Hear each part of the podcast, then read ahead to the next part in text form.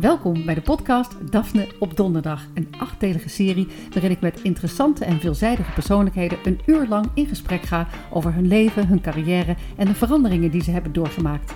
Over twee keer trouwen en twee keer scheiden, hoe je van een faillissement naar je grote succes kunt gaan, de magie van psychedelische paddenstoelen en de negen punten van goed ouder worden. De komende weken ga je het allemaal horen, iedere donderdag in een nieuwe podcast.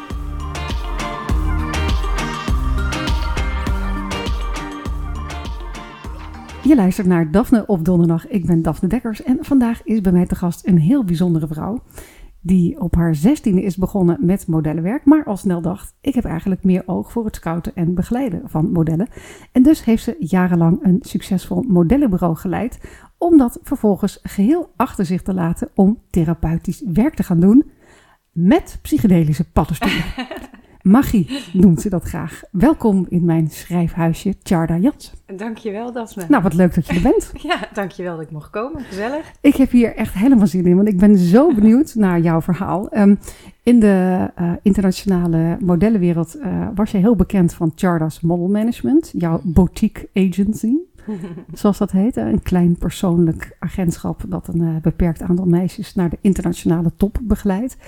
Dus lang voordat jij met Magic Mushrooms ging werken, heb je eigenlijk ook al iets magisch voor elkaar gekregen. En op relatief jonge leeftijd heb jij gewoon je eigen agency uit de grond gestampt. Ja, klopt. Hoe, hoe is dat gegaan dat jij eigenlijk jouw reis van 16-jarig meisje uit Groningen... Ja, uit Groningen. Naar ja. de top van de internationale modellenwereld en dan ook nog een eigen bureau. Ja, dat is eigenlijk heel natuurlijk gaan flowen. dat, is, dat heb ik ook niet bedacht. Het was eigenlijk dat ik um, fotograaf wilde worden. Dus ik begon in mijn zestiende met modellenwerk. Toen, uh, toen ben ik ook naar Milaan geweest en, en heb ik de nodige ervaring opgedaan. Alleen ja, voelde ik al eigenlijk heel gauw van... Ja, ik vind het reizen wel leuk, maar ik vind het werk zo ontzettend oppervlakkig. En ik miste daarbij ook een beetje zelfverzekerdheid en hulp daarbij. Om, om, ja, om eigenlijk uh, te, te leren hoe je jezelf in die wereld kon redden. Dus uiteindelijk ben ik ander werk gaan doen en, en ben ik naar Australië gaan reizen.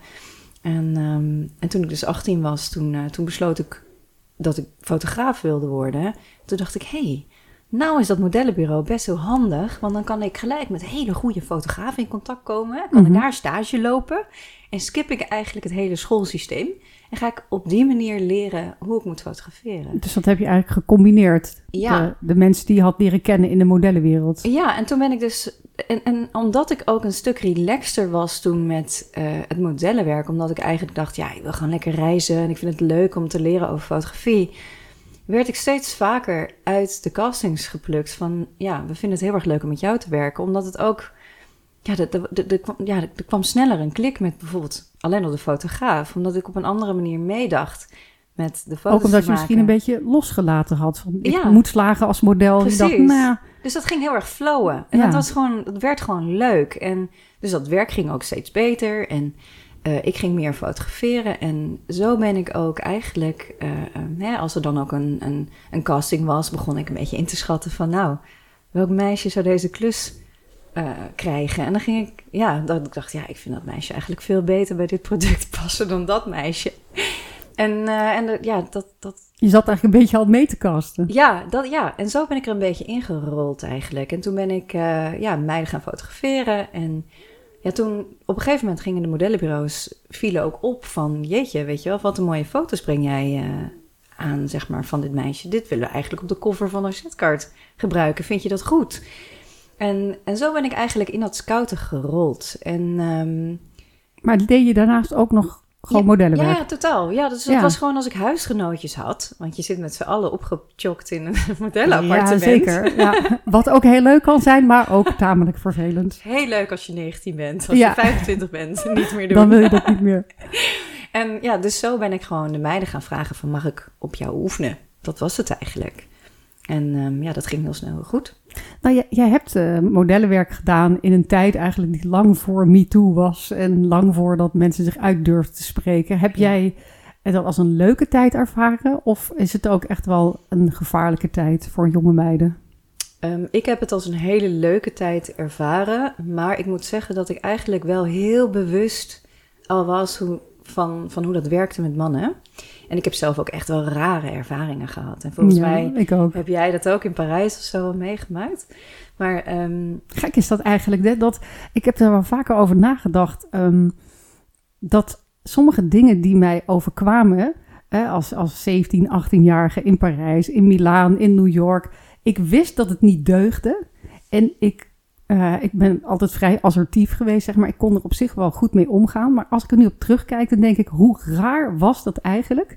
Dat ik het gevoel had van dit hoort erbij. ja, Hè, dat je op een vreemde manier... je leert ermee omgaan. ja, je leert ermee omgaan. En je bureau zegt ook van nou, eh, pas op voor die fotograaf, want die heeft nogal losse handjes. Dat je dan zegt, oh oké, bedankt voor de tip. Terwijl je denkt, Ja. bedankt voor die tip. Je zou helemaal niet met zo'n Ja. man moeten werken. Klopt, ik realiseer me inderdaad. Ik heb ook wel eens zorg gekregen van ja, hij wil altijd eh topless fotograferen. Dus je moet gewoon vanaf het begin zeggen, dat doe ik absoluut niet. En dan Nee, maar- word je daar naartoe gestuurd. Dat was Ja. ik 16. Hoezo wordt die man niet teruggefloten? Ja. Hoezo krijg jij zeg maar de tip van hoe je met zo iemand moet omgaan? Dat is toch best wonderlijk? Ja, ja, ja, het is absurd. Maar ik had bijvoorbeeld één keertje dat ik... ehm, ik werkte bij een ja, fashion, ik weet niet of je dat nog kent, in Milaan. Ik vind Ja. het nou wel heerlijk om uit te kunnen spreken. Ehm, maar ehm, ehm, ja, gewoon een goed bureau in Milaan was dat. En ik werkte echt meerdere keren per week en dat ging hartstikke lekker. En op een gegeven moment werd ik uitgenodigd door een boeker. En dat was de zoon van de eigenaar. eh, om samen met, eh, met, met vrienden van hem en wat modellen naar, een, ja, naar, naar het meer te gaan. En eh, een weekendje weg. En toen dacht ik, nou ja, wil ik dat wel? En dacht ik, toen sprak ik met mijn vriendinnetjes. Mijn huisgenootje werd ook een huisgenootje.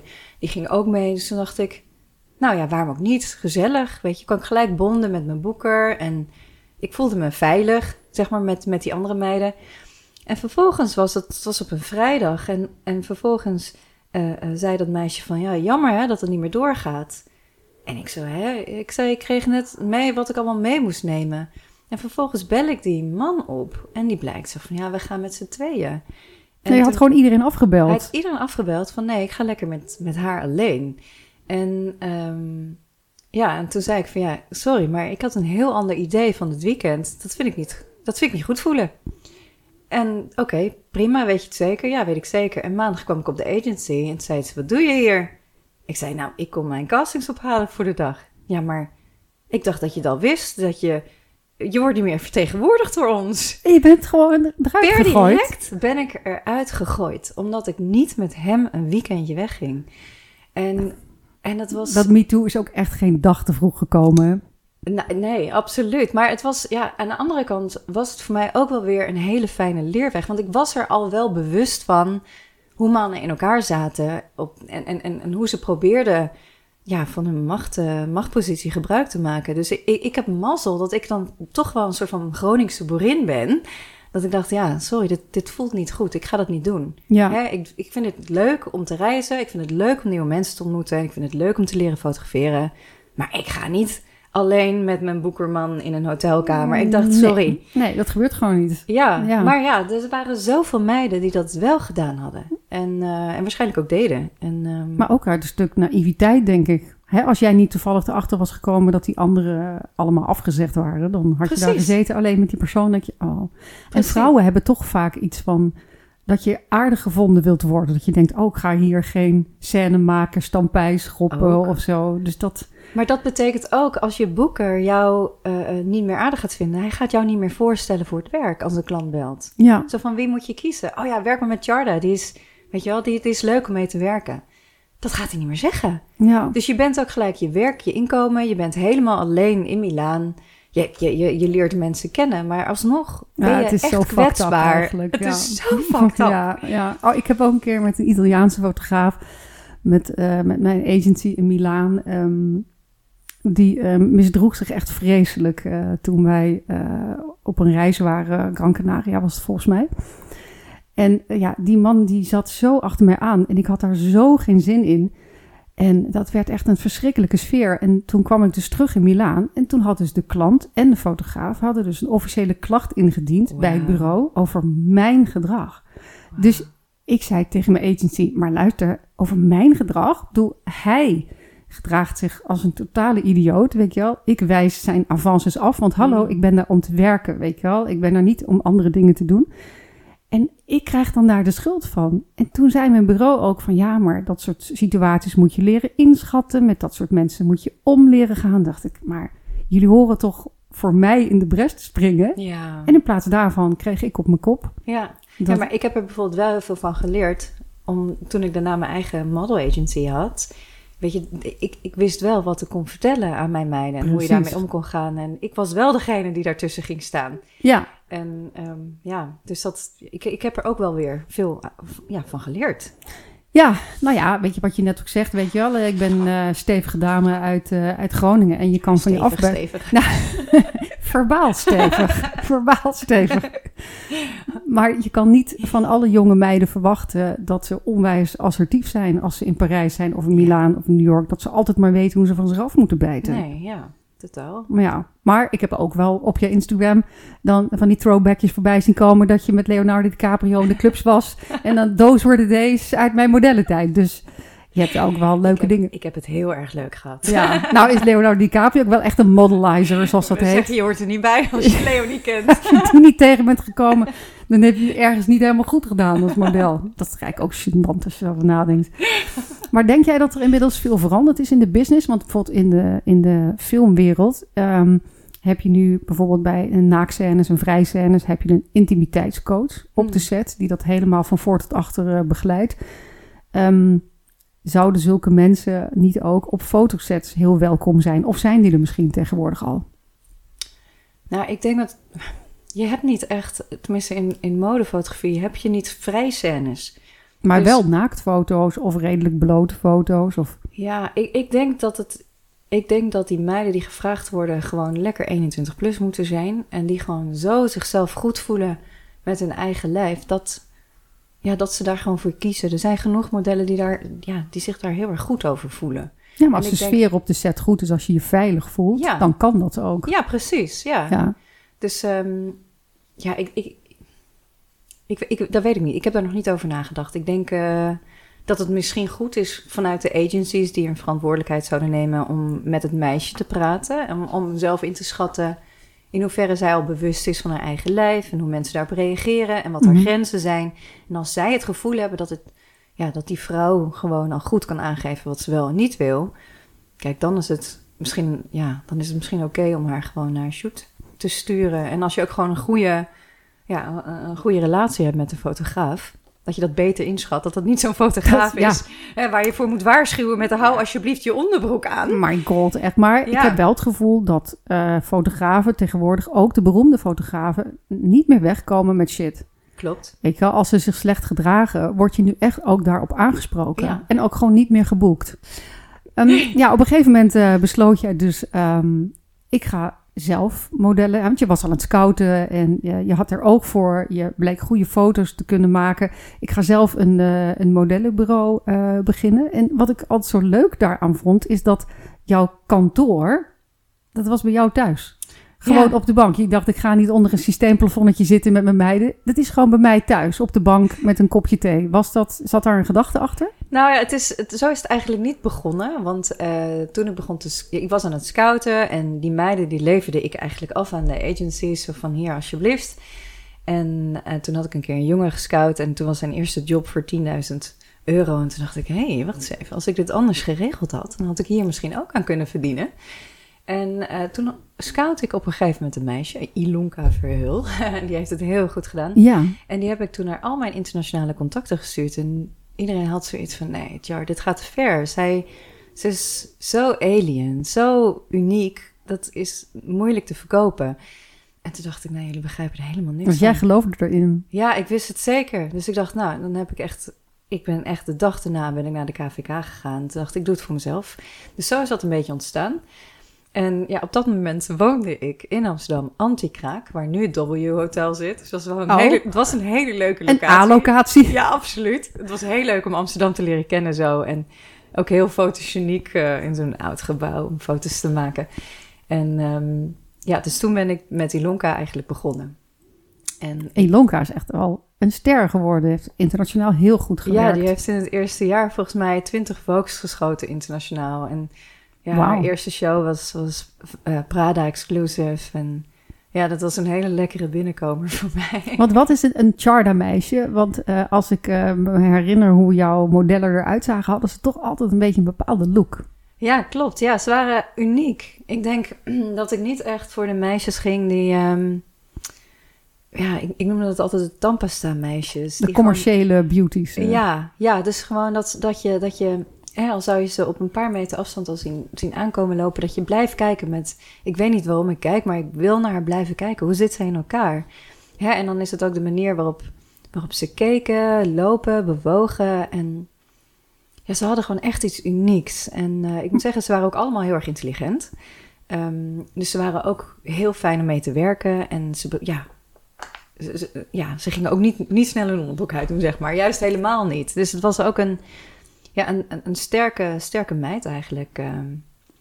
En toen op een gegeven moment, toen um, over, over de locatie, mm -hmm. heb ik een kantoor genomen in de Jordaan. Omdat ik dacht, ja, als ik toch een beetje erbij wil horen, dan moet ik dat ook maar doen. En toen voelde ik me helemaal niet prettig. En ook als ik mensen uitnodigde, dan dacht ik, ja, wat ben ik nou voor een show aan het ophouden? Dit past helemaal niet bij mij. En toen ben ik toch weer mensen bij me thuis gaan uitnodigen. En dacht ik, ja, uiteindelijk is dat ook wat ik zelf gemist heb. Om gewoon ja, een kopje thee op de bank. Vertel eens even, hoe, hoe is het met je? Ja, hoe was je shoot? Hoe voel je je? Ja, ja, ja maar, maar, je doet echt veel vanuit je gevoel ook, hè? Ja, alleen maar eigenlijk. Ja. ja. Ja, nee, dat is echt wel waar ik voor sta en wat ik ook die meiden heel erg wilde uh, meegeven. En wat ik ook bijzonder vond, is dat je uiteindelijk ook curvy-modellen bent gaan uh, vertegenwoordigen. Klopt. Want daar heb je altijd heel erg in geloofd dat, dat ja. curvy ook gewoon heel groot zou moeten worden. Ja, ja ik was... Het, ja, je was een van de eerste volgens nee, mij. absoluut. Ik had het, het, eerste uh, curvy model op de cover van de L in Nederland gekregen. Dus dat was, dat was Iris en... ik, ik moet wel zeggen, curvy, curvy is eigenlijk gewoon normaal. Curvy is normaal. Het is een beetje ja. Marilyn Monroe. Dus ja. gewoon mooi, mooie taille, maar wel, weet je, je mag gewoon lekker billen en borsten hebben en gewoon vrouwelijk. Dat ja. is het eigenlijk. En dan heb je plus size en dan heb je echt grotere maten. Dus curvy is gewoon, ja, de normale vrouw. En straight, gewoon een normaal uh, catwalk model, die zijn eigenlijk, eigenlijk te dun. Dus en dat was ook, um, omdat ik toen al een beetje frictie begon te voelen met ja, de hele modewereld. Dat ik dacht, ja, ik vind het leuk om die meiden te begeleiden. Alleen, ik heb toch een beetje moeite met die mode. Hoe dat, hoe dat zit. Hè? Of, of je dan uh, ja, kleding in China door kindjes laat maken... wat vervolgens in vliegtuigen hier naartoe komt. Er zitten heel je, veel haken en ogen aan. Ja, je, je, je en al die standaarden waar die meiden aan moeten voldoen. Ook, ook, maar ik vond het ook voor het klimaat. En dan moest ik inderdaad de meiden ook nog eens gaan vertellen... dat ze moesten afvallen. Terwijl ik dacht, ja, je bent gewoon hartstikke gezond. Je bent prachtig. Dus ik, daar ik kan, me, ik... kan me een verhaal uh, herinneren van, um, volgens mij heb je me dat ooit een keer verteld over Aniek, die één centimeter te breed was in de schouders voor een campagne van Louis Vuitton. Ik denk niet dat dat Aniek was, want Aniek was altijd net twee centimeter te lang. Oh, oké. Okay. maar te breed, uh, ik, denk dat, ik denk dat dat Ilonka is geweest. Ilonka? Ja. Ja, want die heeft Louis Vuitton nooit gelopen daar. Uh, volgens mij was dat daarom. Maar dat zijn toch ja. belachelijke dingen eigenlijk. Weet je, is het nou nog ja. steeds niet veranderd? Ik zie wel dingen veranderen in de modewereld. Dat het, dat het uh, inclusiever is. Dat er wat meer variatie is in lichaamsmaten. Maar ik had eigenlijk verwacht, 2022, dat het al veel verder zou zijn. Ze hebben steeds meer uh, curvy modellen en ook wel plus size die ze nou in de shows gebruiken. Um, alleen dan hebben ze nog steeds die straight sides, zeg maar. De, dan hebben ze twee, twee meiden die wat groter zijn. En de rest is gewoon allemaal nog super, super dun. Dus het, er is wel een verandering gaande, wat, wat fijn is. Dat juich ik wel toe. En ook in de, ja, in de magazines en in de campagnes zie je het wel... dat ze dan steeds één meisje gebruiken die wat groter is... Um, maar ja, ik vind het niet, niet snel genoeg gaan. Nee, ik ook het kan nog wat diverser daarin. Maar ja. Maar er is in ieder geval beweging in. Want heel lang dacht ik, oké, okay, deze wereld staat compleet stil. Ja. Ja, en dat, uh, op welk meisje ben je eigenlijk het meest trots? Of is dat net als vragen aan ouders, op welke baby vind je het mooist? Um, dat is een moeilijke vraag, denk ik. Nou, momenteel ben ik heel trots op Femke. Um, ja, dat, die heb ik echt van, van zo jong gescout. En die is van zo ver gekomen van uh, niet te durven spreken. Gewoon te verlegen, niet mensen durven aan te kijken. Ze deed aan voetbal. Op een gegeven moment had ze een belangrijke casting in Parijs. Dus toen moest ze me bekennen. Dat wist haar moeder nog niet eens. Moest ze me bekennen dat ze lesbisch was. En, uh, en toen begon ze heel erg te huilen of ze wel als model kon werken. Huh? Dus ja, omdat ze zo onzeker was. Uit, Ja, uit een dorpje uit Friesland. En ze dacht van ja, ik weet niet of ik wel goed genoeg ben hiervoor. En zij heeft zo'n transformatie meegemaakt met zichzelf. En die werkt zo als een tierenlier. En die is zo zichzelf geworden. En het is echt een power woman van 21 nu. Wat een mooi verhaal. Ja, het is heel leuk. En dat is ook... ehm, Het is mooi om iemand zo te zien groeien. ja, en dat is ook heel bijzonder om, om een meisje te leren kennen als ze toch 13 is. Eh, en dan zo langzamerhand, ja, je leert elkaar echt vanaf de, of nou ja, ik vooral haar vanaf de kern kennen. En ik zie in wat voor mooie vrouw ze verandert. En ja, toch help je daar ook een beetje mee. Hè? Ik doe ook een soort van coaching Ja, dan. Met hoe zeker. ga je met tegenslagen om en hoe voel je je? En soms hoor je dus dingen eerder dan de ouders. Omdat- Ja. Dus dat is, ja, dat maakt het werk, eh, maakt het heel bijzonder eigenlijk. Dat was het leuke ervan. Nou, wat ik ook bijzonder vind, is dat ehm, ik las in een interview eh, wat ik van jou heb gelezen, dat jij zei dat je het ook altijd belangrijk vond eh, dat de meisjes die jij scoutte, dat die ook spiritueel waren, omdat jij heel spiritueel bent. Ehm, wat is dat met jou en spiritualiteit? Dat zit bij jou echt heel diep, hè? Dat, Ja. dat is helemaal doordrenkt, zeg maar, in jouw hele wezen. Ja, klopt. Hoe, hoe uitzicht dat? Hoe is dat begonnen? Of ben je er gewoon mee geboren? Ik, ehm, ja, uiteindelijk denk ik dat ik er ook mee ben geboren. Dat dat eigenlijk wel juist is. Dat ik vanaf heel vroeg al eh, ja, dromen had. En, maar ik weet nog wel dat er dat een soort van consciousness. Ja, een, een, ik, ik was tien en toen vond ik een boek van de Dalai Lama. En ik dacht dat ik dat boek niet mocht lezen, want het waren, dat was op het stapeltje voor volwassenen. En toen ben ik stiekem daar stukjes uit gaan lezen en dat raakte me gewoon. En ik wist ook niet helemaal Op tien jaar geleden dan? Tien, ja, tien. En toen uiteindelijk, eh, toen ben ik ook naar aura healers gegaan. En ehm, ja, kreeg ik wat hulp, omdat ik best wel zelf wat dromen had die uitkwamen. En dat vond ik allemaal heel erg spannend en eng. En toen op mijn twaalfde ben ik voor de eerste keer naar satsang gegaan. Op je twaalfde? Twaalfde, ken je dat, satsang? Nou, vertel misschien even voor de, voor de luisteraar wat het precies is. Dat is een ja, Indiaanse manier. Dan ga je met een groepje ga je mediteren. Dan heb je een soort van ja, een guru. En dan ga je na de meditatie ga je delen wat voor vraag bij je opkomt. En satsang betekent volgens mij de, de weg naar de waarheid. Waardoor ze dus echt die... tjoek, tjoek, tjoek, dit is allemaal ego, dit is ego. Uiteindelijk is dit je vraag. En waardoor je steeds meer inzicht over jezelf krijgt. En ehm, ja, wat, wat, ja, wat best wel een hardcore manier is om eigenlijk Maar zeker als je zo jong bent. bewust te worden van je ego. En eh, ja, en toen 14, ja, toen, toen, toen had ik al mijn reiki. Ik was, ik was de jongste in Nederland die reiki ging doen. En de meeste kinderen op school, die hadden echt nul interesse daarin. En ik was juist heel erg opgelucht dat ik ook iets vond bij de middelbare school om iets te doen. Dat ik dacht, ja, hier, hier resoneer ik meer mee. Maar kwam dat ook vanuit je ouders? Ik bedoel, als je toch als Nee. twaalfjarige thuis komt en zegt... nou, weet je wat ik ga doen in het weekend? Ik ga niet korfballen. ik ga gewoon even kijken hoe het zit met mijn ego... en wat ik, daaraan kan doen. christelijk opgevoed. Ik ben altijd moesten wij naar de kerk. En het is eigenlijk op een gegeven moment dat ik begon over dat ik gewoon aura's zag en eh, ja, dromen die uitkwamen. Gewoon dingen die, die, die eigenlijk niet helemaal klopten bij de christelijke leer. Dat mijn moeder een beetje geforceerd werd om, om een beetje open-minded te worden. En toen was er een buurvrouw en die werkte als aura healer. En ja, zo is zij zelf ook op dat pad gekomen door meer te gaan lezen en Oh, jouw moeder heb je daar helemaal in meegenomen, ja, zeg het is maar. eigenlijk een reis van ons tweeën geworden. Wat ja, mooi. Eigenlijk, ja, en mijn vader ook wel eigenlijk. Ja, dus dat is op die manier, ja, zijn ze ook reiki gaan doen en familieopstellingen. En eh, ja, die zijn helemaal dat pad eh, gaan bewandelen. Vooral mijn moeder. Ja. Dat is wel, lijkt me heel bijzonder om, om die transformatie ook bij je eigen ouders dan waar te nemen. Ja, het was heel fijn. het was, ja, het was heel ja, bijzonder. Ja, en dat vind ik nu ook leuk met mijn moeder. Je hebt dan... Ja, ja, dat is bijzonder. Maar heb Ja. jij het gevoel dat je een, een, een oude ziel hebt? Dat je daarmee geboren bent? Met, want je zegt, je ziet aura's. Wat, eh, dat hoor je mensen wel vaker zeggen. Ik zie aura's, maar wat zie je dan? Ja, ik vind dat, dat is wel heel grappig, want ik heb daar al heel lang niet over gepraat met mensen. En soms Ja, heb ik- ook het gevoel dat je, dat je, dat je denkt dat je dingen eh, geheim moet houden of zo. Omdat mensen het dan misschien raar vinden of zo. Maar het is toch heel mooi als je aura's kan zien. Ik zie, ik zie geen aura's. Dus ik weet niet Ja, wat jij ik ga ziet. je zo meteen ga ik je, ga ik je wat trucjes bij. Ik ga je me in de tuin wat dingetjes laten zien. Want ik het zou me niets verbazen als ik jou echt binnen een minuut kan laten zien hoe een aura eruit ziet. Het is ook een beetje herkennen.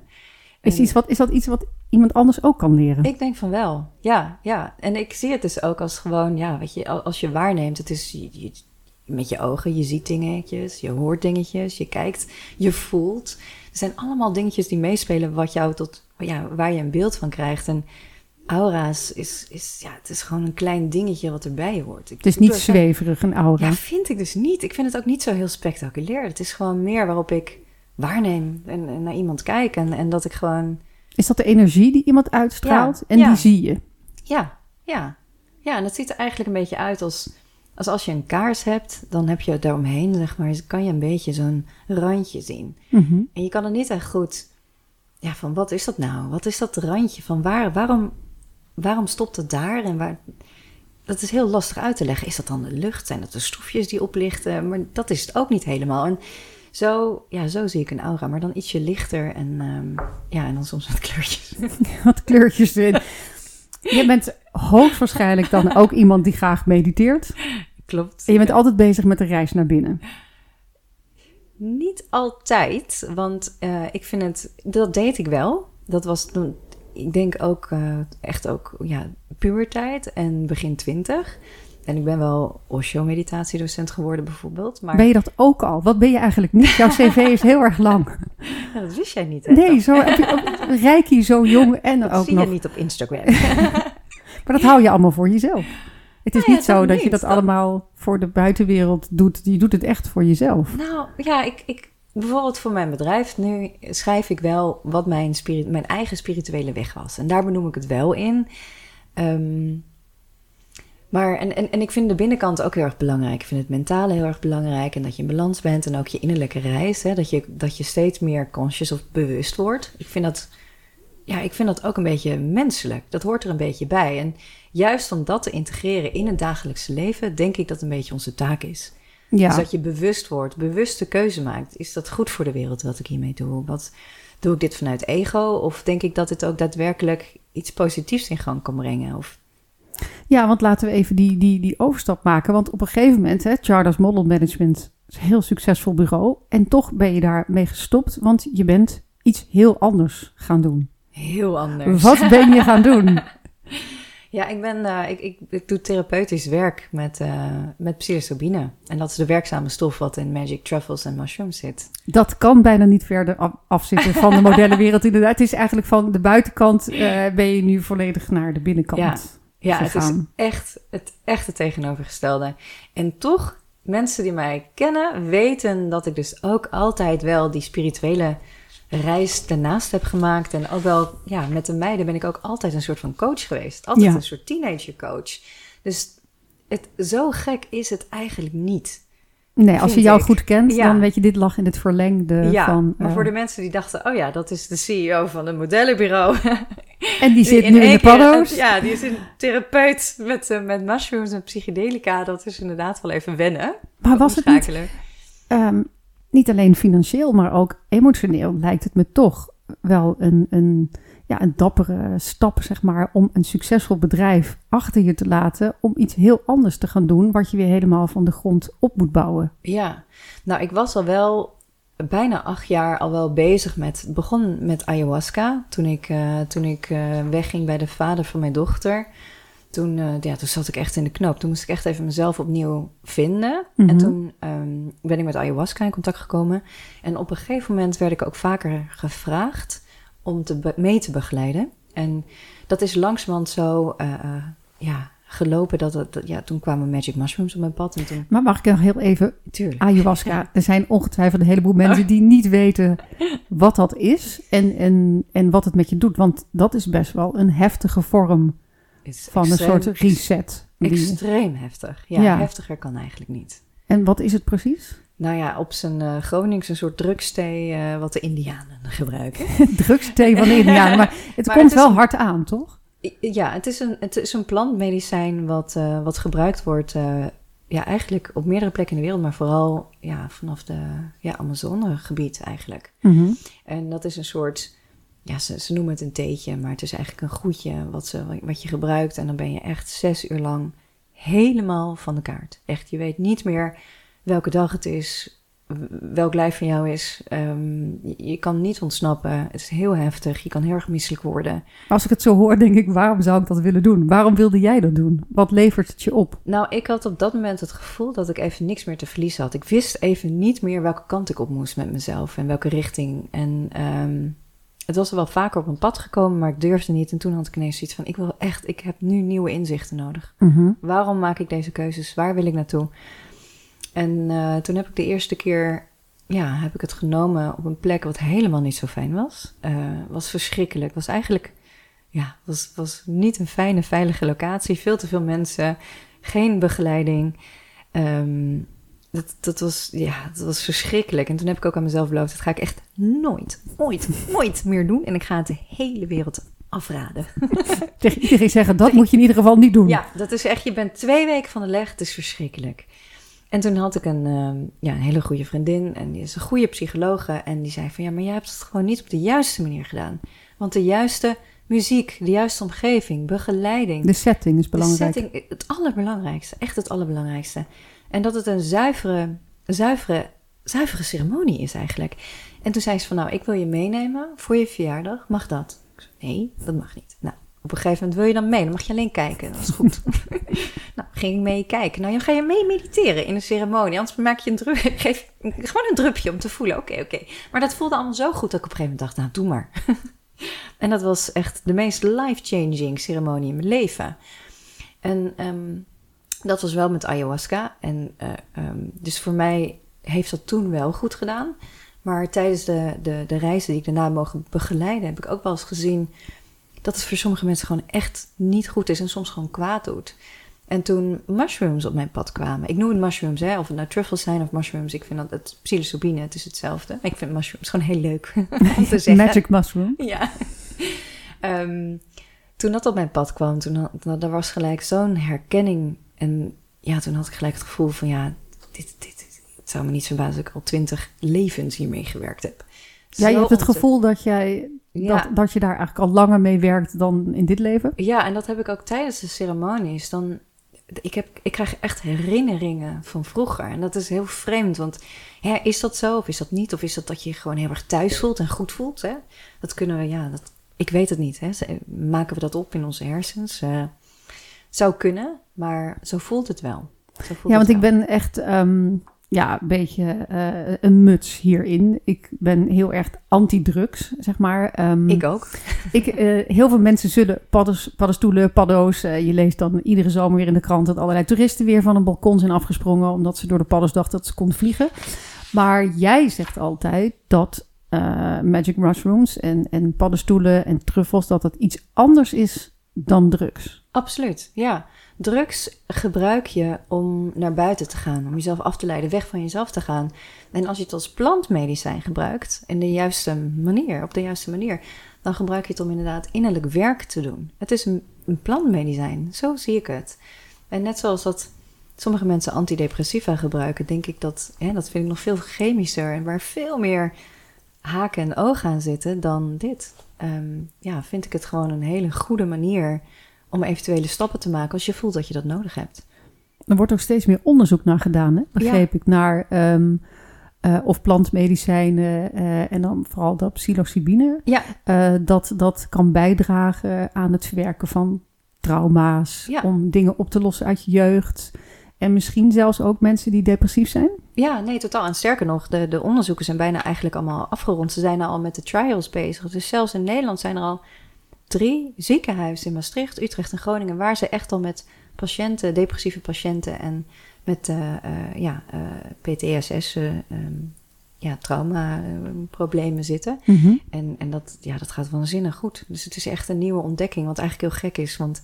Het is eigenlijk altijd al een plantmedicijn geweest. Overal waar je ter wereld. Duizenden jaren lang. Ja, en in de jaren zestig is dat op een gegeven moment misgegaan in Amerika. Omdat ze toen, ja, omdat te veel mensen dat gingen gebruiken en niet meer oorlog wilden voeren. En toen heeft Amerika gezegd van ja, dit mag niet meer. Hè? Dat, dat viel onder de war on drugs of zo. Precies. Dat ze dachten, daar moeten we ook ja, van af. Ja, precies. Dat LSD was voornamelijk, maar ook mushrooms en alles werd daar een beetje onder geplaatst. En toen zijn eigenlijk, ja, die onderzoeken waar ze toen ook al best ver mee waren, ja, zijn ze mee gestopt. En nu hebben ze dat allemaal opgepakt. En ja, dat, eigenlijk is, is de hele medische wereld uh, ja, is bijna helemaal om. En ze denken zelfs dat tussen ja, vier, vijf jaar ook een, misschien zelfs een vergoede therapievorm wordt in Nederland. Nou kan ik me voorstellen, als ziekenhuizen daar onderzoek naar doen, van in hoeverre kunnen we dit gebruiken voor mensen die een trauma hebben, of dat dat dan toch weer uh, anders is dan dat ik het bij jou thuis zou doen. Nou ja, bij mij thuis, het is, um, uh, ik doe het ook wel op locatie. En uiteindelijk heb ik ook, uh, waarom de COVID-tijd zo fantastisch was voor mij, is dat ik eindelijk de studie kon doen die ik al heel lang wilde doen. Mm -hmm. Sociale psychologie en medische basiskennis. En dat gaat bijvoorbeeld ook voor de uh, zorgverzekering een vereiste zijn op het moment als je een vergoede therapeut wil zijn. Dus je hebt het gewoon ook heel serieus aangepakt? Nee, totaal. Nee, ja. totaal. Ik, het, is niet dat je bij mij gewoon even leuk... Uh, ik ben niet alleen een tripsitter. Het is echt een... Echt tripsitter? Ja, dat is dan ook dat weer zo'n woord. Je, ja, een soort babysitter van nou, jij neemt, uh, hè, jij neemt uh, drugs... en dan ga ik kijken, ga ik een ambulance bellen als het fout gaat. nee, dat, dat, zo, zo gaat het vast niet. Nee, maar dat is niet het werk wat ik doe. Want het is uiteindelijk komen mensen bij mij... die echt daadwerkelijk wat werk willen verrichten. Ja, want, want wie uh, wie komen bij jou? Wat zijn dat voor mensen? Waar, waar zijn ze naar op zoek? Nou, ik heb twee duidelijke groepen. Eén um, groep is die voelt van ik wil wat dieper gaan. Hè. Ik mediteer al en ik wil mezelf nog beter leren kennen. En ik wil ja, mijn bewustheid vergroten. Ik vind het interessant, maar ik durf het niet zo goed. En ik wil graag begeleiding. En ik heb mensen die echt een trauma hebben, of die echt met een langere tijd met een depressie zitten, of ja, uh, die, die echt willen aanpakken van elke keer kom ik weer in datzelfde patroon. Ik wil uit dat patroon stappen. En Want dat is wat die uh, psilocybine, ik vind het een moeilijk woord. Ja, ja, het is heel moeilijk Dat is wat, uh, wat die stof doet, zeg maar. Die opent, zeg maar, andere poorten. Of wat? Ja, je maakt, um, ja, je, je hersens maken nieuwe verbindenissen, meer verbindenissen. Ook meerdere locaties in je hersens worden actief. En het lijkt heel erg op op dromen. Alleen ben je dan heel erg bewust. En ik vind altijd een mooi voorbeeld van uh, als je een trauma hebt met, met een hond. Als kindje hoorde je een hond blaffen. Uh, en vervolgens komt een hond op je af en die gaat je bijten. En dan heb je een trauma. Want de volgende keer dat je weer een hond hoort blaffen, schiet je in diezelfde stressreactie en ben je van overtuigd dat je binnenkort weer gebeten wordt. En dat maakt het een trauma. Dat als je terugdenkt aan zo'n situatie, dat je terugschiet alsof dat moment weer daar is. Wat er gebeurt als je psilocybine neemt, dan kan je terug naar dat moment. Alleen um, lijkt het alsof je wat meer mogelijkheden ziet. Dus dat je in één keer ziet, oh ja, die hond die wilde eigenlijk misschien spelen. Of uh, misschien had ik niet aan zijn staart moeten trekken. Of, um, of, of ik was heel erg jong. Of, of weet je, die hond had zelf een trauma. En dat je in één keer begrijpt dat er ook andere honden zijn die wel liever zijn. En het, het, is, het is alsof je door diezelfde uh, trauma kan heen gaan, uh, maar dan met een soort warme deken van liefde. En waardoor de scherpe randjes eraf van worden gehaald. En dan de volgende keer als je weer een hond hoort blaffen, dat je dan niet gelijk in die reactie schiet. En dat is een beetje als je. En dat, dat, is, dat komt omdat die nieuwe verbindenissen worden gemaakt in je hersens. Mm -hmm. um, dus het is niet zo dat je je herinnering kan wissen. En dat wil je ook niet, want waarom zou je? Want het hoort bij jou. Maar je gaat er naar terug en ze nemen een andere vorm aan misschien? Ja, of de... ja je, je, je, je krijgt wat meer inzichten over, waardoor, uh, ja, waardoor je dat, dat trauma, stressreactie kan uitschakelen. Maar wat is dan precies, zeg maar, uh, jouw werk? Hoe weet jij uh, wat mensen nodig hebben? Ik neem aan dat je een heel intakegesprek ja. doet, maar ook de dosering. Hè? Want ja, want ja paddenstoelen, truffels, je kan ze in smartshops, kan je ze gewoon kopen. Ja, maar ik, truffels, ja. Truffels kan je kopen. Want paddenstoelen zijn illegaal? Ja, nee, ze zijn niet illegaal. In, in, je, kan, je kan ze thuis gewoon kweken, dat mag allemaal. Je kan ook uh, de kweekset gewoon kopen online. Alleen, uh, en je mag ze ook gewoon hebben als ze vers zijn. Maar op het moment als je ze droogt en je snijdt ze één keer door midden, dan zijn ze bewerkt. En dan mag je er weer niet, uh, niet naar het Vondelpark om dat te verkopen, zeg maar. Want dan, oh ja, dus de dus Nederlandse is, wetgeving inderdaad. Die er, ja, dus er zit wel een soort van gedoogbeleid. Ze willen gewoon voorkomen dat je het echt gaat verkopen aan bijvoorbeeld toeristen die ook andere soorten drugs hebben genomen, geen slaap en, en dan ook mushrooms erbij en vooral in combinatie met coke, dan kan het misgaan. Hè? Van, van volgens mij die toerist waar je het over had. Die, die, uh, die van het balkon sprong. Ja, ja, dat bleek achteraf. Bleek dat een mix te zijn van cocaïne en nog, nog een paar soorten en alcohol. Dat was niet alleen psychedelica, want alleen psychedelica speciaal... De, de mushrooms is, is zoveel veiliger. Dat gebeurt eigenlijk niet. Die kan je ook niet overdoseren. En Hoe bepaal jij die dosering? Uh, nou ja, dat is toch wel inmiddels gewoon ervaring en intuïtie. Ik, uh, ik kweek zelf mijn eigen mushrooms. Oh, je, daarmee... je kweekt ze zelf? Ja. ja. je hebt een rijtje paddo's op het balkon staan? Of Niet hoe, op het balkon, binnen inderdaad. Maar uh, ja, dus ik ben dat echt gaan leren. Dus er zit gewoon een grote ja, fascinatie. En, uh, en waardoor ik ook het medicijnen heel goed leer kennen. En ik weet gewoon hoe sterk ze zijn, wat ze doen. Uh, sommige mushrooms hebben ook gewoon een totaal andere werking. Dus daar baseer ik ook met de gesprekken van waar iemand naar op zoek is. En waar ik iemand mee kan helpen. En ja, dan heb je ook nog, uh, ja, heb je al eerder ervaring gehad of niet? Uh, hoe reageer je op alcohol?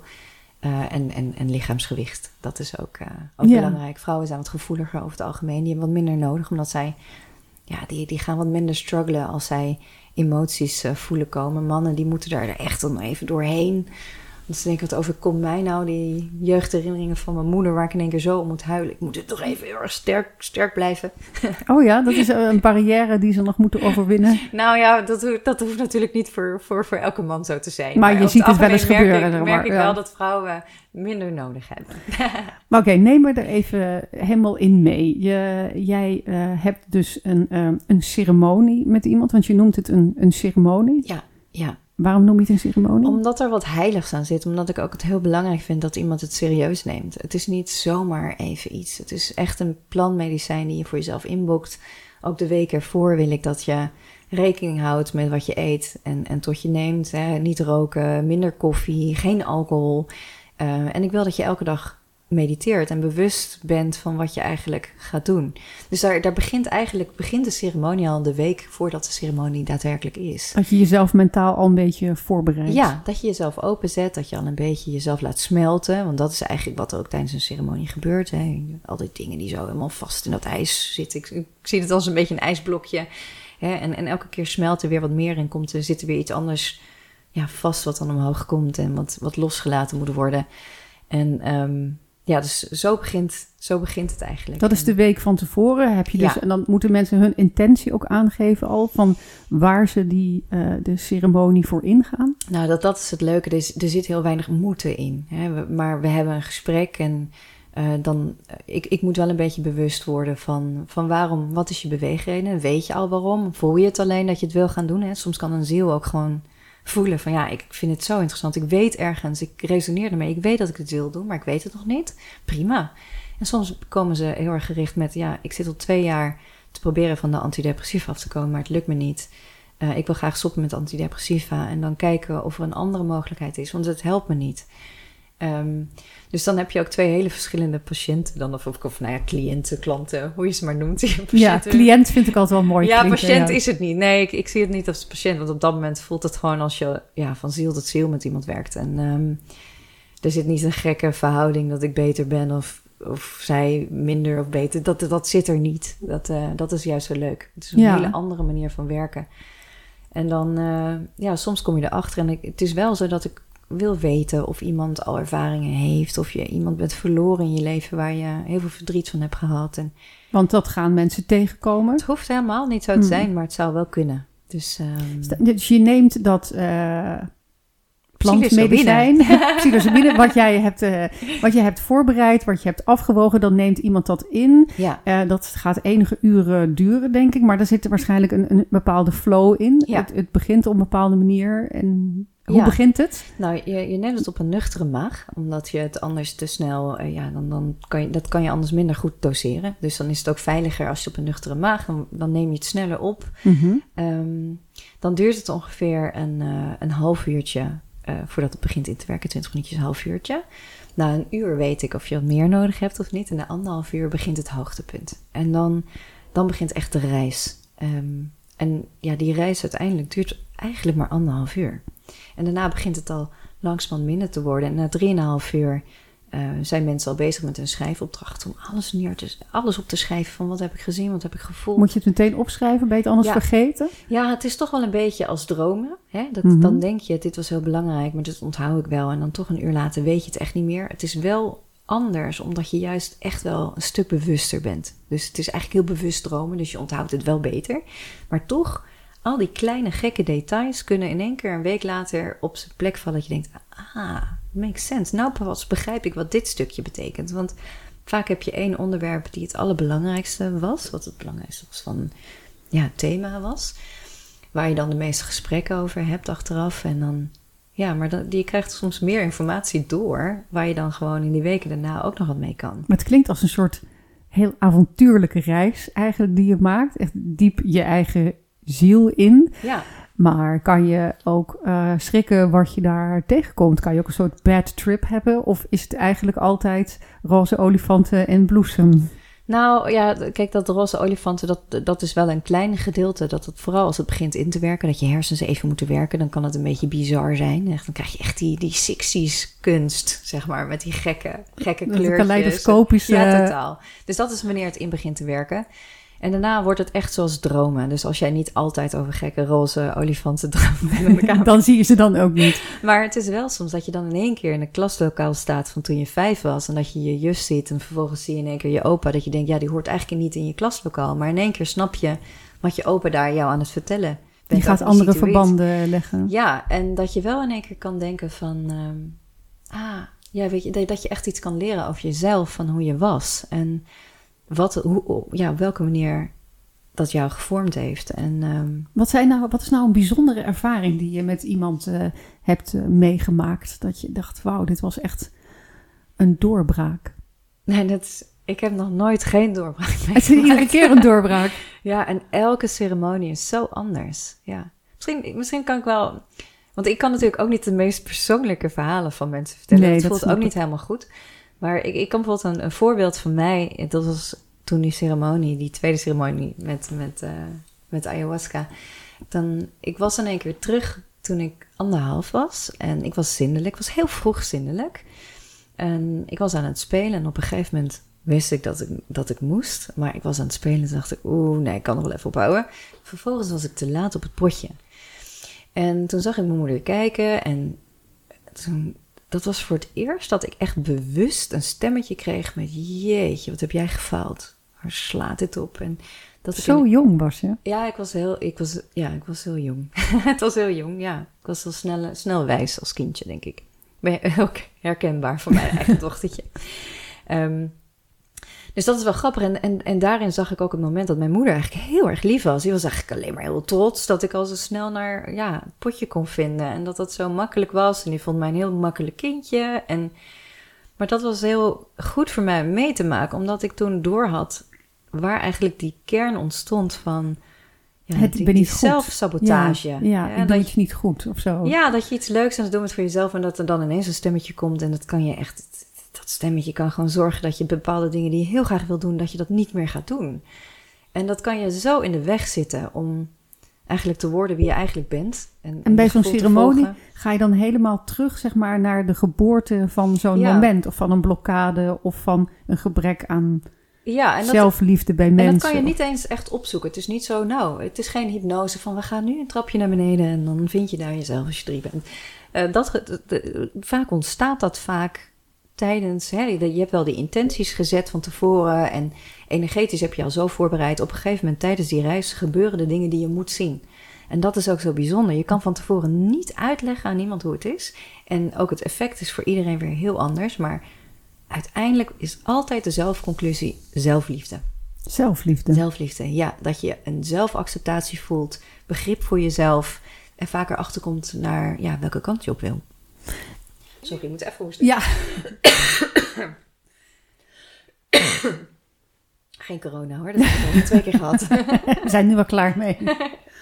Um, is het niet eigenlijk wel jammer van deze tijd of treurig? Of misschien komt het ook door het nieuws en door twee jaar corona en nu die vreselijke oorlog in de Oekraïne. Dat, dat zoveel mensen uh, zoekende zijn. Dat zoveel mensen iets missen in hun leven. Dat het bij zoveel mensen ja, angst oproept, trauma's van vroeger. Mensen hebben toch veel onzekerheden.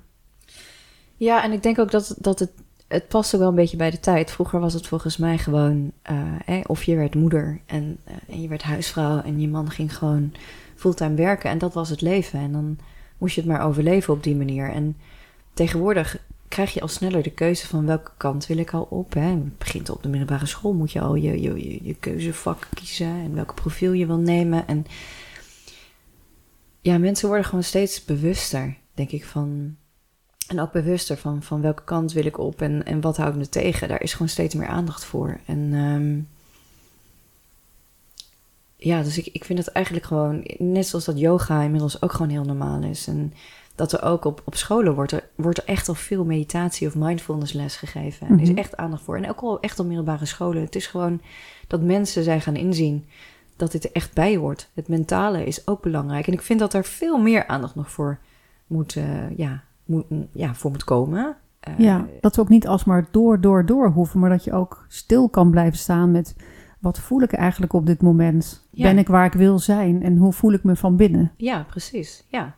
Ja, Dus daarin vind ik het gewoon eigenlijk heel erg kloppend bij deze tijd. Eh, maar ben je nou niet bang, hè? nu ze al die onderzoeken aan het doen zijn, eh, dat straks eh, de wetenschap inderdaad daar hele handige therapie eh, dingen uit gaat halen en dat het dan weer helemaal wordt overgenomen door de farmaceutische industrie en dat het, het, bijzondere, het kleine, het speciale, het, zeg maar, het, het oude van plantmedicijnen, dat het dan weer vercommercialiseerd gaat worden.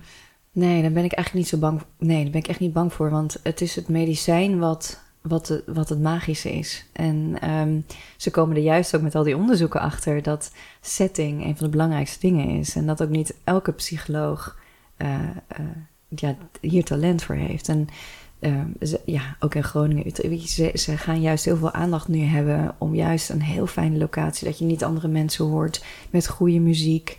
Eh, eh, fijne atmosfeer, lekker warm, lekker dekentje. Dat, dat die vanuit ontspanning beginnen en aandacht voor je gevoel.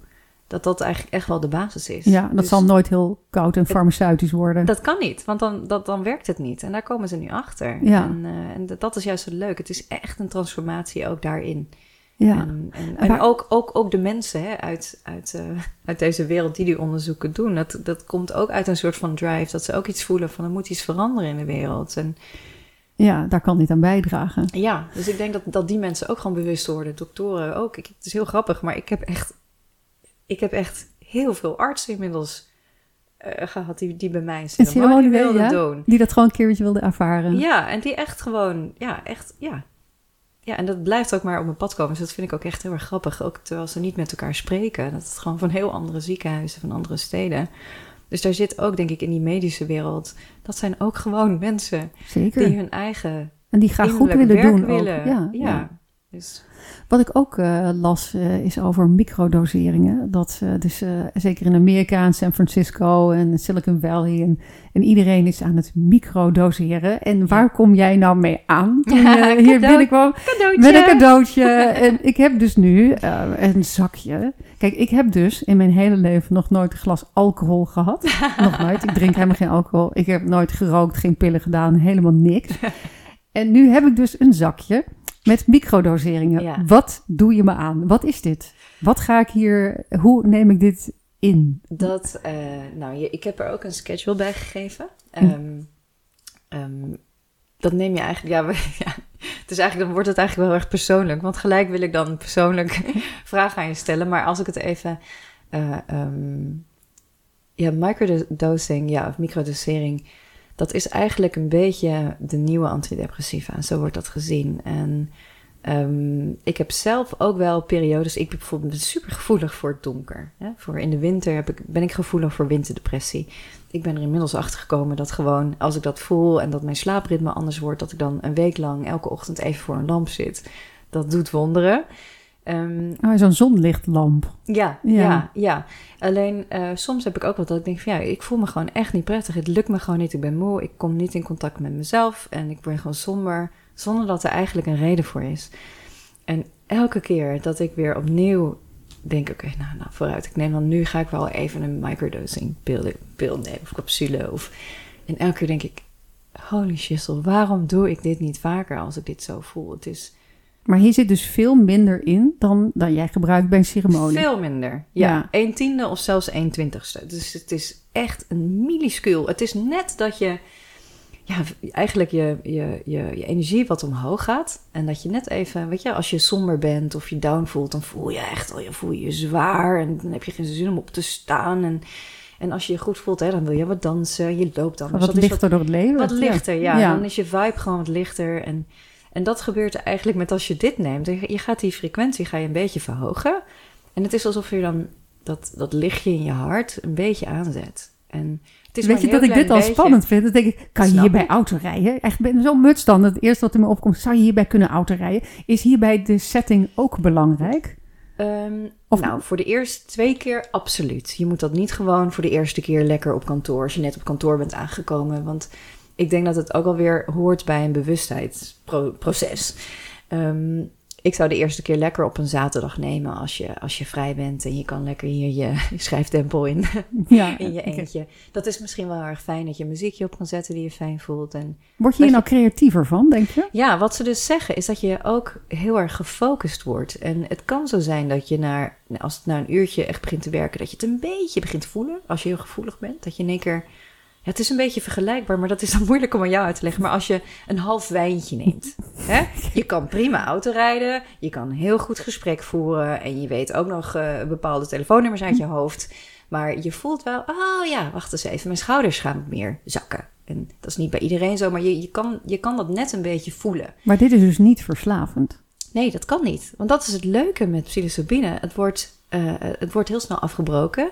En eh, hoe, meer je, hoe vaker je het neemt, hoe minder je het opneemt. Dus er zit al een soort van veiligheid ingebouwd. Dat ja, als je het één dag neemt, dan moet je de volgende dag al dubbele nemen. En ja, als je dat vijf dagen achter elkaar zou nemen, dan vijf dagen voel je niks meer. Dan gebeurt er niks meer. Dus je hebt dan zeg maar ja, een ontwenning. Of ik, ik weet eigenlijk niet hoe je dat noemt. Maar ehm, wat het juiste woord daarvoor is. Maar Maar het is in ieder geval niet verslavend Nee, en het doet ook niks negatiefs eh, Nee, voor je- lichaam. Wat veel drugs natuurlijk wel doen. Nee, je kan ook niet overdoseren. Nee. Wat anders is dan met echt een drug zoals coke of speed. Of daar kan je te veel van nemen. Daar, daar slaat je hele systeem van op hol. Maar het is ook allemaal chemische rommel natuurlijk. Ja, totale troep. Dus, Ja. ehm, dus dat is het fijne. Dat je gewoon, daar, ja, ja, daarvan heb je gewoon ook al de wetenschappelijke kant achter je.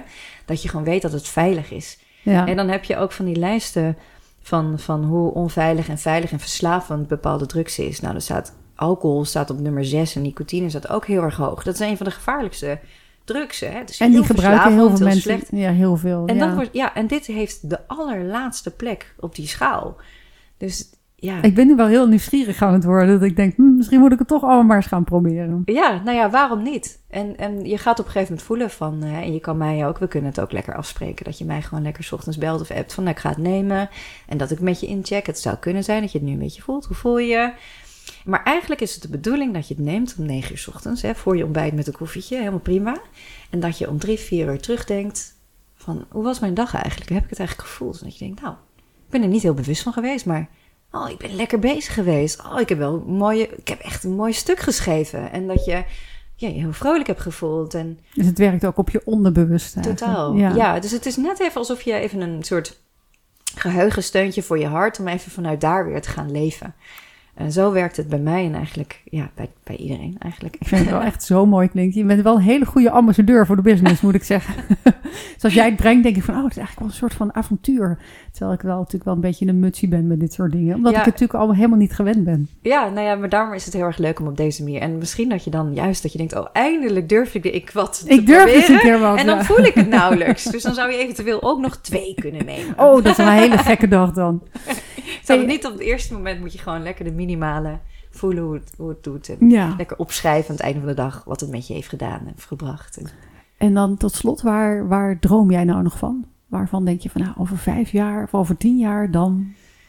Nou, ik ben nou eh, retreats geven. Dus ik heb bijvoorbeeld over twee weken heb ik twee retreats gepland waar ik heel erg enthousiast over ben. Ehm, dit, dit, dit wordt natuurlijk uitgezonden als dat achter, achter de rug is, maar ehm, dat ga ik samen met mijn moeder doen. Mijn moeder heeft een opleiding, eh, ja, latitudeopleiding, maar dat is, zij, zij traint mensen om familieopstellingen te geven en wij hebben een retreat voor moeders en dochters. En dan gaan wij dus echt, dus dan komen moeders en dochters samen en beginnen we eh, met familieopstellingen, dingen te, te klaren. Ehm, Het is een heel zielsweekend, begrijp het ik. is heel zielswekkend, het is een weekend en ook heel erg, je maakt uiteindelijk heel erg diepe verbinding met jezelf, maar uiteindelijk ook met je moeder, omdat je toch een reis samen doet. En ja, dat, is, dat, dat vind ik heel bijzonder om samen met mijn moeder, speciaal voor moeders en dochters, zo'n retreat te gaan geven. Ja, ik ben ook heel benieuwd hoe dat, eh, wat, voor, wat voor moeders en dochters daar dan inderdaad op afkomen en wat hun, eh, hun gevoelens daarbij zijn. Ja, nou ja, ik ga je, ik ga je een verslag sturen. Maar het is Oh, een, ik zie hele dat al leuk, een hele leuke mix al. En ik had verwacht, oh, dat is leuk. Dat zijn dan 25-jarige meiden die dan al een beetje ervaring hebben met iets van psychedelica. Die denken, oh kom man, we gaan even gek doen. En uiteindelijk zijn het allemaal de moeders van 50 plus die dit al ergens hebben gelezen en voelen. Wacht eens even, ik voel dat ik klaar ben om dieper te gaan. En het lijkt me mooi om dit samen met mijn dochter mee te Ja, maken. wat een mooie combinatie is dat Ja, inderdaad. Dus dat ik, je, ik had verwacht dat het vanuit die dochter zou komen, maar ik had het mis. ja, het zijn toch uiteindelijk gewoon de vijftigers zoals ik. Uiteindelijk de wijze vrouwen die alsnog aan de paddo's gaan. hey, en dan als allerlaatste vraag, ehm, een vraag die ik eh, aan iedereen stel. Mhm. Ehm, stel je kon terug in de tijd en eh, naar een jongere versie van jezelf. Misschien wel de 16-jarige Tjarda uit Groningen. Mhm. Wat zou jij tegen haar zeggen? Mm, Oh ja, ik zou heel veel tegen haar willen zeggen. Ehm, ik zou haar willen vertellen dat ze goed genoeg is zoals ze is. En, eh, en lekker je hart blijven volgen. Want dan komt het, ja, ik heb, een, ik heb echt een waanzinnig mooi leven gehad ook. En, en Helemaal zelf gemaakt ook. ja, en, en ik, ja, ik, heb, ik heb bijzondere dingen meegemaakt en echt vanuit mijn hart geleefd. En ehm, ja, ik hoop bijvoorbeeld heel erg dat mijn dochter ook op die manier gaat leven. Wat ik ook zo leuk vind van jouw dochter Emma, dat zij volgens mij heeft zij ook gymnasium hè, gedaan. En uiteindelijk heeft zij ook al hard gevolgd om die Mhm. acteeropleiding te, Ja. te doen. Denk ik, ja, Veel meer vanuit een gevoel. ja, dan, krijg, ja, dan Ja. krijg je van mij echt een staande ovatie. En ik hoop ook dat mijn dochter die keuzes gaat maken. Ik zag dat je ook een zakje erbij had gedaan. Voor Emma. Met microdosering voor Emma. Dat klopt. Moet ik even kijken of ik dat ga geven? nee, dat ga ik doen. Je hebt me, je hebt me overtuigd. Ik ben, ik ben nu echt, eh, ik ben nu heel erg benieuwd. Lekker een keer samen en dan ga je een mooie wandeling maken in het bos. En dan kan je samen praten over, nou, voel je al wat? Hoe voel ik me? Dat is misschien wel heel erg leuk om samen met haar te doen. Ja, Het is heel ik, eh, rustig en liefdevol. En het is niet zo eng. Het is echt anders dan drugs dus waar je aan denkt als je aan drugs denkt. oké. Echt een andere ervaring. Oké. Je hebt me overtuigd. Dankjewel. Ik vond het een, eh, een fijn gesprek. Ik vond het ook fijn gezellig. Je luisterde naar de podcast Daphne op donderdag in gesprek met Tjarda Jansen. Wil je meer weten over het werk van Tjarda met helende paddenstoelen? Ga dan naar haar Instagram, Tjarda Jansen, met 1 S. En wil je meer van mij lezen? Ik heb net een nieuwe bundel uit met 75 columns. Hij heet De Zorgen zijn voor morgen. Klik ook even op de volgbutton, dan blijf je op de hoogte. Want volgende week is er weer een nieuwe Daphne op donderdag. Tot dan!